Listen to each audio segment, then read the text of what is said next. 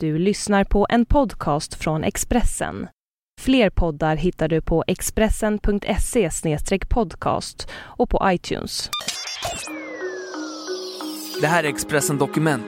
Varje dag med mig Johan Bengtsson som idag läser Ann-Sofie Näslunds text om ett litet steg mot en värld utan dödsstraff. Guvernören Martin O'Malley sätter pennan mot pappret och skriver högtidligt sitt namn. På första raden sitter Kirk Bloodsworth och kan inte sluta le. Han är den första amerikanen som friades från Death Row med hjälp av DNA. I nio år satt han oskyldigt dömd för mordet på en liten flicka i Maryland. I torsdags bevittnade han samma delstat bli den 18 i USA att avskaffa dödsstraffet.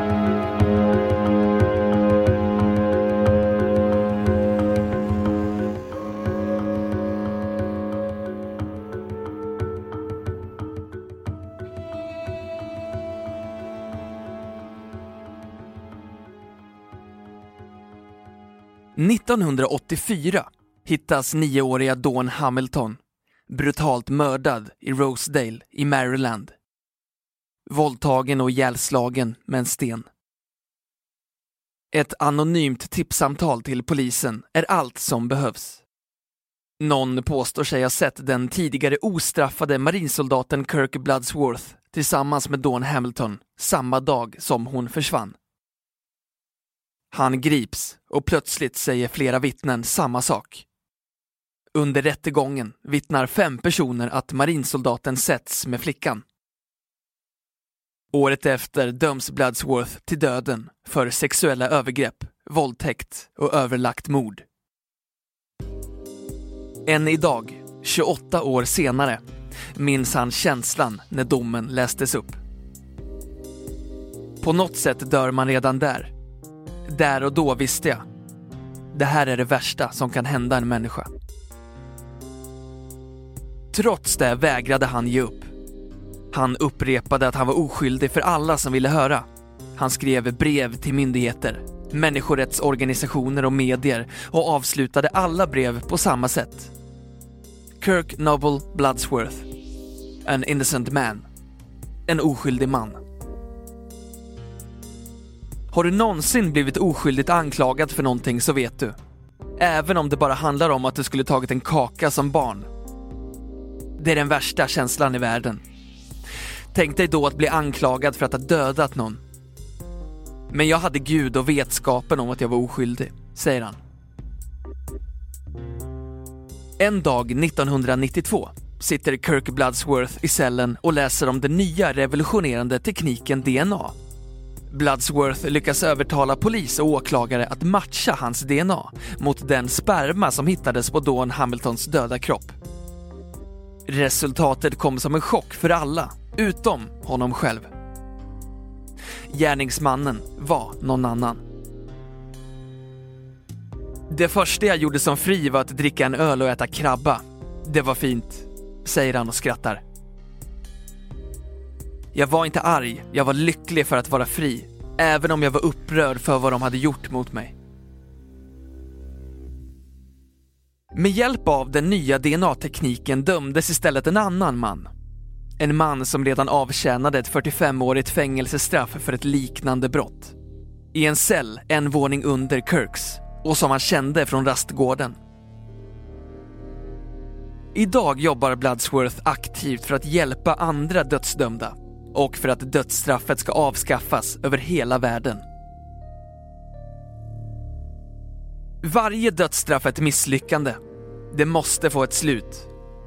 Det spelar ingen roll om du är skyldig eller om det finns DNA-bevisning. Du kan aldrig döda en skyldig person utan att riskera att döda en oskyldig, säger han.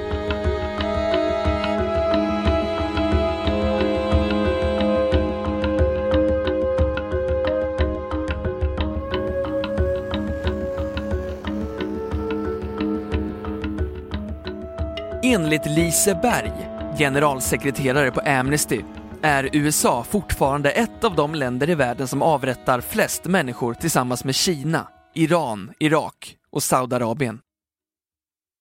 Men utvecklingen är positiv, säger hon. På tio år har antalet länder som tillämpar dödsstraff minskat från 28 till 21. Och i USA blir Maryland den sjätte delstaten på lika många år att stryka dödsstraffet. Redan för åtta år sedan införde den dåvarande guvernören i Maryland ett tillfälligt stopp efter en häftig debatt om rasism i domstolarna. Enligt statistik som guvernören hänvisade till var 60 procent av alla på Death Row i Maryland dömda för brott mot vita.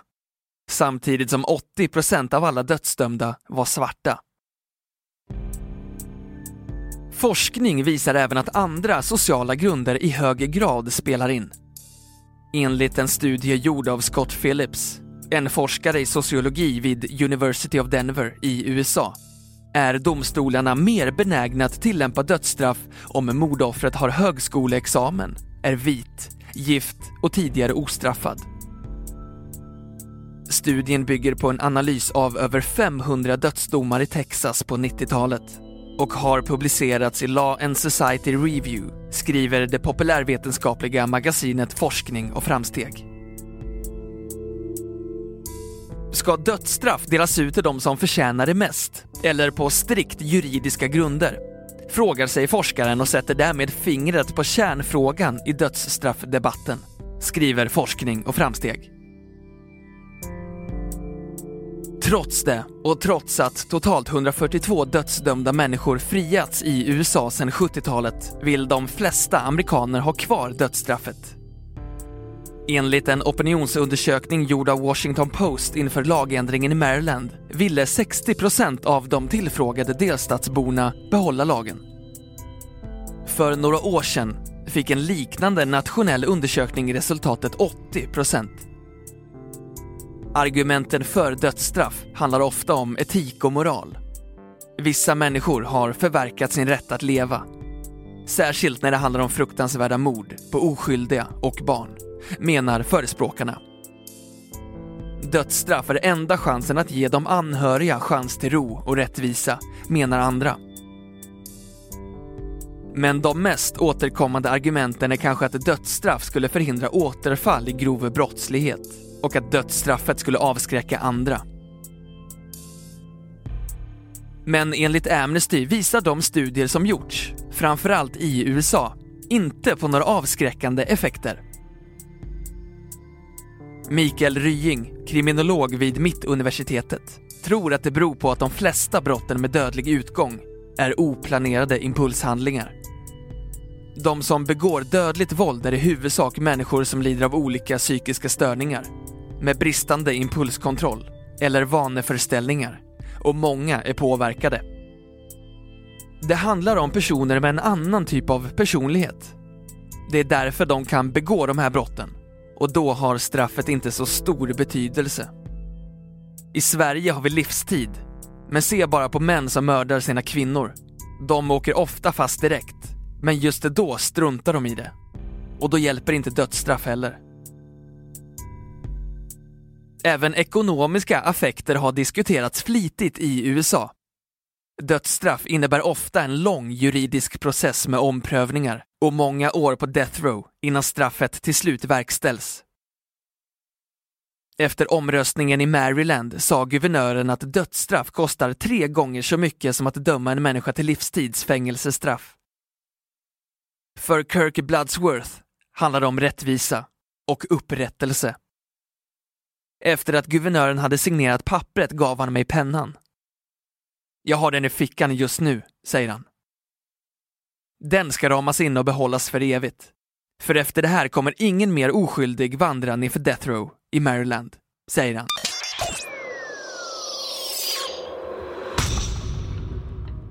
Du har hört Expressen Dokument ett fördjupningsreportage om ett litet steg mot en värld utan dödsstraff av Ann-Sofie Näslund som jag, Johan Bengtsson, har läst upp.